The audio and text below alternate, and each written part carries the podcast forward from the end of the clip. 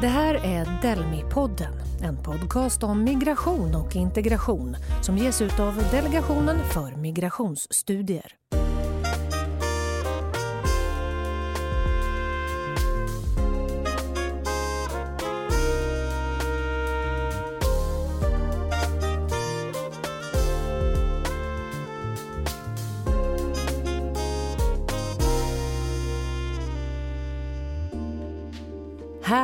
Ett nytt avsnitt av Delmi-podden och idag ska vi fokusera på Afghanistan.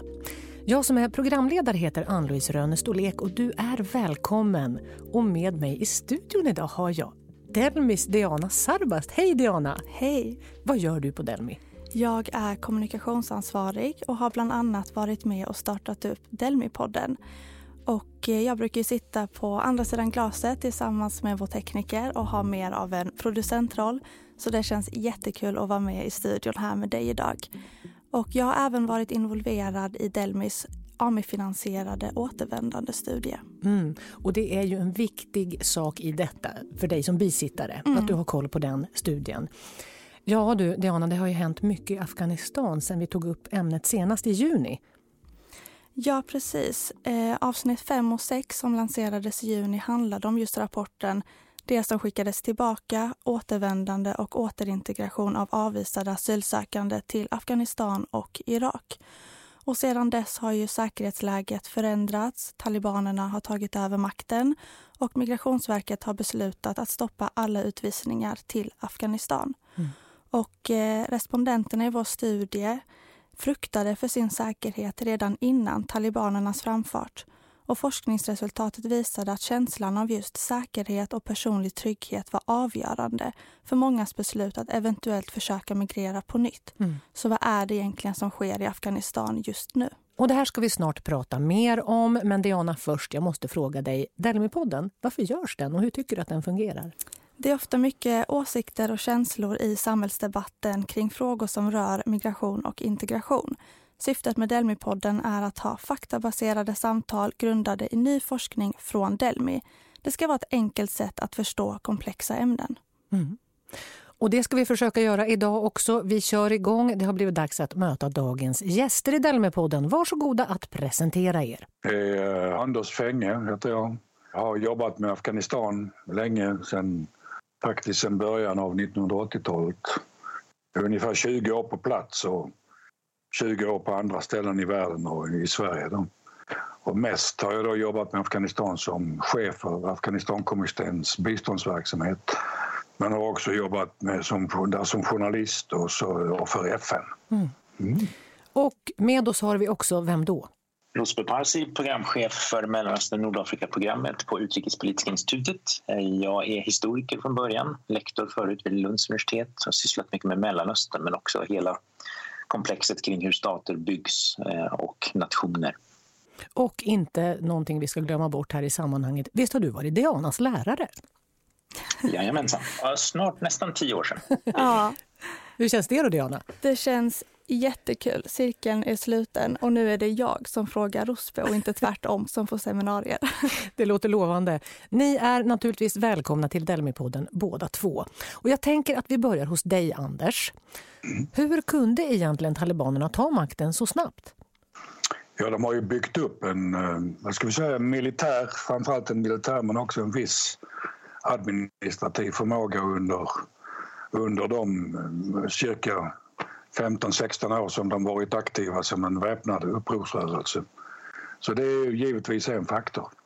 Och den andra faktorn, är ju då, och kanske den viktigaste faktorn, var ju den eh, vad ska vi säga, korruption, ineffektivitet, maktmissbruk och så som präglade uppbygget av den afghanska staten sen den, den eh, den nya regeringen kom till efter den förra talibanregimens fall, mm. då 2001. Eh, kan du ge något exempel på hur det här eh, korruptionen har yttrat sig? Ja, det var väl i, i princip inom alla områden som, som staten och regeringen hade att göra med. Men armén och polisen, rättsväsendet och så brukar ju nämnas som som de värsta exemplen. Mm. Och det var ju till exempel inom armén då att, att eh, det angavs på papper att det fanns inom en viss militärkontingent fanns 10 000 man och i verkligheten var de 5 000.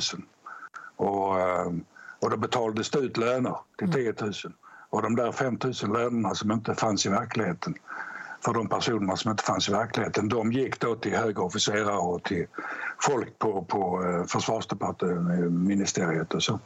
Så att det, var, det var väldigt mycket sådana saker. Eh, kort och gott maktmissbruk. Man, man utnyttjade folk och berikade sig själva. Anders, om du ska ge en kort lägesbild, hur är det idag? Ja, det är tämligen kaotiskt. Dels så har eh, taliban förmodligen blivit lika förvånade som oss över att det gick så snabbt. Så de var ju inte beredda att ta makten. Och det präglar dem väldigt mycket. Det finns vissa tecken på åsiktsskillnader mm. bland dem och så vidare. Men oavsett vilken åsikt, vilken åsikt inom dem som segrar så kommer det bli ett konservativt muslimskt styre med eh, begränsningar och, eh, på till exempel demokrati, mänskliga rättigheter, mm. kvinnors rättigheter. Eh, samtidigt så har, på grund av att allt internationellt bistånd har stannats och, och torka och andra saker så, som drabbas Afghanistan nu av en pågående och en växande humanitär katastrof som nog är eh, det största omedelbara problemet i Afghanistan. Afghanistan är ett land med eh, olika etniciteter och tolkningar av islam. Rosbe, vad är det talibanerna tror på och hoppas uppnå? Ja, eh, då kan man säga så här att talibanerna ideologiskt och religiöst framförallt kommer då ur en äldre tradition som har att göra med att försöka återuppväcka eller skapa en ny styrka genom att gå tillbaka till rötterna. Så det är en sorts väckelserörelse kan man säga och den eh, har sitt ursprung då i Indien, i det brittiska Indien på 1860-talet. Eh, och där startar man då en första teologisk skola som sen mot slutet av 1800-talet sprider sig. Och den här Diobandi-skolan som den kallas, som är en av de största nu i, i hela subkontinenten, eh, ur den här traditionen av en striktare läsning av Koranen, väldigt traditionalistisk syn så kommer så småningom det som kommer att bli talibanernas ideologi. Mm. Men rent politiskt har den också utvecklats genom att den eh, har så att säga, växt fram med hjälp av det som hände på 80-talet också. Det vill säga att när Sovjetunionen invaderar Afghanistan så kommer den här eh, religiösa dimensionen den kommer också få influenser utifrån och framförallt så småningom från Saudiarabien, eh, wahhabismen. Och wahhabismen är en ännu striktare och mycket mer ska vi säga, intolerant mm. tolkning Eh, av islam. Och det är det som gör att talibanernas syn idag på religion och samhälle också skiljer sig rätt mycket från Deobandi-skolorna i Indien till exempel. Diana, jag tänker på hazarernas situation också. Mm. Majoriteten av respondenterna i Delmis studie var hazarer och de har förföljts och haft det särskilt svårt under talibanregimen. Så jag undrar, de hazarer som är kvar i landet, som har återvänt från Europa, vad har de att vänta nu? Vilket samhälle är det de återintegreras i? Ja, det är väl på det viset att eh, Hazara har ju inte bara haft det svårt under Taliban, den förra talibanregimen utan även tidigare och, och även delvis. De är ju traditionellt en, en diskriminerad grupp även om de fick in i den nya konstitutionen som togs 2004 så fick de sina rättigheter inskrivna till stor del för första gången i Afghanistans historia. Nu med den nya talibanregeringen så eh, är det ju fullständigt självklart att det finns en väldigt stor oro bland, bland Hazaras att, att, de, att de kommer att råka illa ut igen. Och det finns ju vissa antydningar eller rapporter och sånt som inte riktigt har konfirmerats ännu men, men som det är ingen rök utan eld. Utan där är, där är övergrepp som har ägt rum redan nu mot, mot Hazaras. Jag måste fråga dig också, Anders, du som har så mycket vänner i Afghanistan tillbringat så mycket tid. Hur känner du själv nu? Hur mår du av den här utvecklingen? Nyhet, av att se på nyheterna till exempel? Ja, du, har man hållit på med Afghanistan i 40 år så har man en ganska lång räcka av förhoppningar som har förbytts i besvikelser. Så att det, det är väl... Eh, och sen när jag lyssnar med vänner i Afghanistan och så, så hör jag ju lite olika grejer som ganska mycket skiljer sig från media, en ganska ensidig med, medierapportering och så. så att det är, samtidigt som det givetvis är så att de som är urbana, utbildad medelklass de försöker komma ut från landet. Medan folk ute på landsbygden, återigen det här med stad och landsbygd som jag nog menar faktiskt är en, eh, en, en, en, en ganska markant uppdelning i, eh, i Afghanistan och som präglar, präglar landet faktiskt väldigt starkt. Men inte, ute på landsbygden så, så är det mycket mer ofta att man får upp, träffar på uppfattningen att, att eh, det här är bra för nu är kriget slut. Vi behöver inte vara oroliga för att drabbas av, av eh, komma i korseld eller drabbas av explosioner på vägarna och råka illa ut för regeringssoldater eller talibaner. Så, så där, där ute är det mer lättnad. Medan i staden så är man väldigt upprörd. Rosby, jag funderar, när du och jag förberedde det här samtalet idag, då sa du till mig att det är ändå ganska logiskt att människor i Afghanistan tänker om talibanerna, att det kanske upplevs enklare att hantera det slumpmässiga tyranniet från en idiot med Kalashnikov, sa du. Hur, hur menar du då? Ja, det här är ju så att en, en, en klassiskt problem kan man säga i alla former av stats och samhällsbyggen, nämligen detta att eh, det sker i konkurrens med andra. Det vill säga alla som skaffar sig vapen vill på något vis å ena sidan påstå att de skyddar dig från de andra med vapen och samtidigt så för att göra det så kräver de då pengar eller någon annan form av värde från dig. Så man kan säga all form av statsformation är en sorts maffiaverksamhet någon gång i ursprunget. Och i det här fallet så vad det handlar om då helt enkelt är att om man har en grupp som någorlunda enhälligt kontrollerar territorium och har sina förvisso kanske då märkliga regler för hur man får bete sig så finns det då så att säga någon möjlighet att åtminstone parera det där. Det du vet på ett ungefär vad reglerna är och du kan försöka lära dig att leva med dem för du har inte så mycket val. Om det däremot är så att det finns tio personer med varsin grupp människor med Kalashnikov som alla styr varsin liten plätt, checkpoints i en stad och så vidare och de alla följer lite olika spelregler, då blir ditt liv väldigt, väldigt mycket svårare för det är väldigt många olika uppsättningar av regler och förhållningssätt som du måste på något vis hantera. Så att man kan säga att generellt sett så, så brukar man säga att det är alltid ändå bättre med en grupps tyranni än 14 samtidigt. Anders, under förra talibanstyret arbetade du som landchef för Svenska Afghanistankommittén. Hur har utvecklingen inom rörelsen sett ut sedan dess? Ja, de har väl blivit eh, något mer vad ska vi säga, verserade eller anpassade till den mera, eh, ska vi säga, lite modernare världen. Som eh, förra gången när de kom in i, eh, i september 1996 så upprättade de ju ett totalt skräckvälde i, i, i framförallt Kabul då, i, i staden, staden för dem, de är ju en landsbygdsrörelse. Kom sprungna ur landsbygden. Och för dem var, och med deras religiös politiska ideologi så var, stod staden Kabul för, för eh, all synd, all, all dålig modernism och annat västerländskt inflytande som de inte gillade.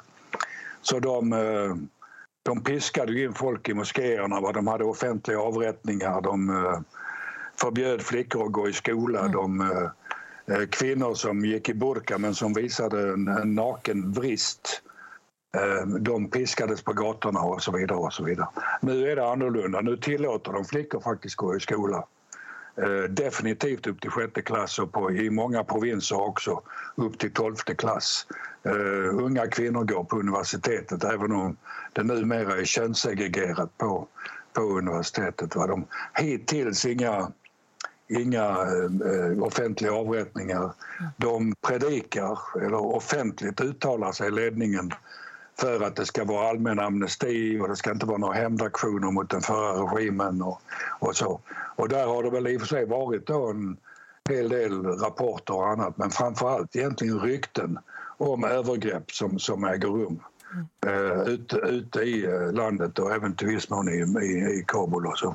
Så att det, är, det är en lite blandad kompott som man, som man får. Det är lite osäkert hur mycket som ledningen egentligen har kontroll över taliban är olika talibangrupper ute i landet. Så det, det är ungefär där det står idag. Rosby, jag funderar, hur kan man tänka sig att återvändare från Europa som har levt då med västerländska värderingar kan komma att eh, behandlas av talibanerna?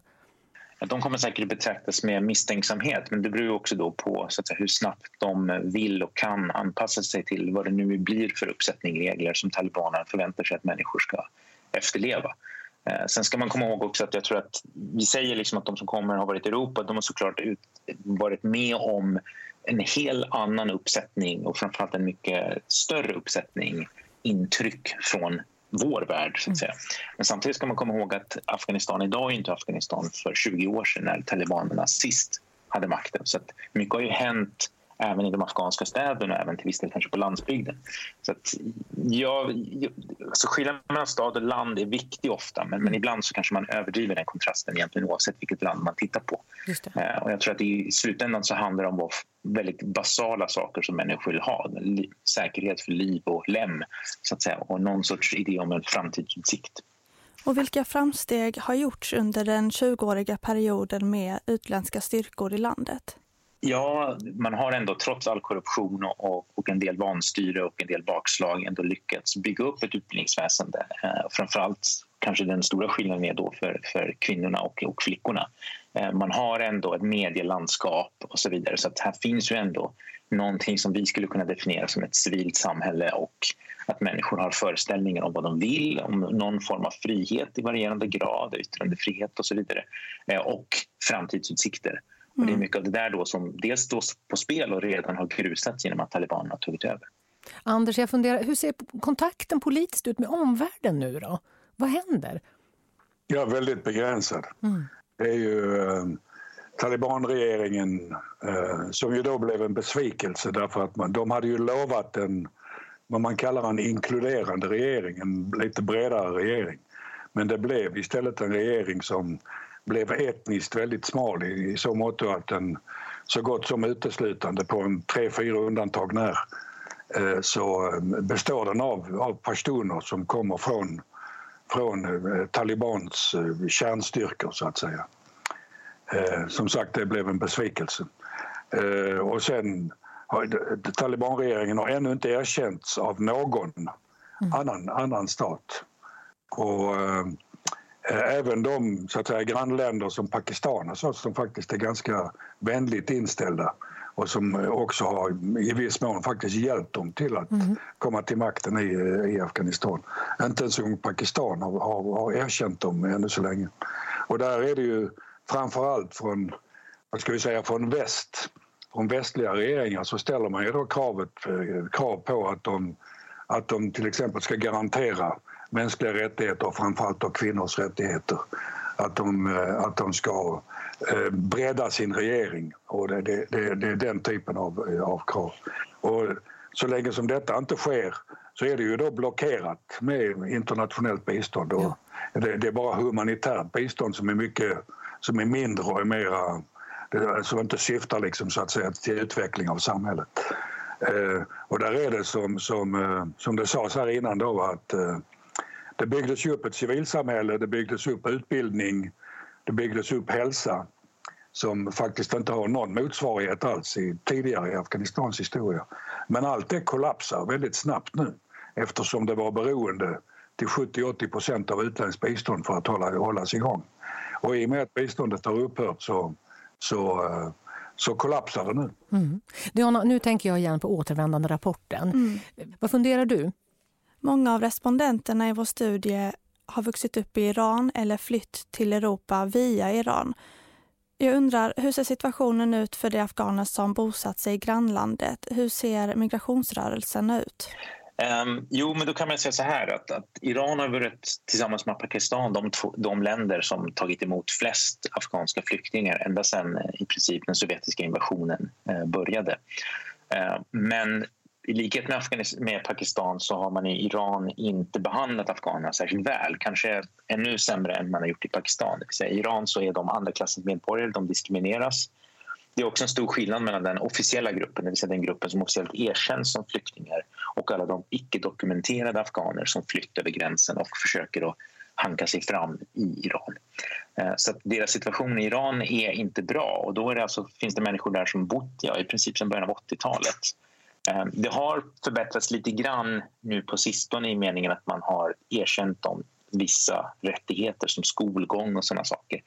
Eh, men poängen är ju att precis som i många andra länder så är det så att befolk- den här typen av flyktingbefolkning behandlas utifrån de premisser som resten av samhället lever under. Och den iranska ekonomin som lider under väldigt kraftiga amerikanska sanktioner och covid gör att, så att säga, frikostigheten och generositeten gentemot afghanerna inte är särskilt stor. Jag tänker att vi ska börja avrunda nu, men jag vill höra med er båda kort. Vad vill ni förmedla nu då till Delmi-poddens lyssnare? Vad i situationen i Afghanistan ska man vara särskilt uppmärksam på? Vi kan börja med dig, Anders. Ehm, jag menar nog att det som är det mer omedelbara stora problemet för Afghanistan det är den humanitära kris som är i växande Eh, och som sannolikt kommer att resultera i ett stort antal människor som dör av svält och av andra orsaker i Afghanistan.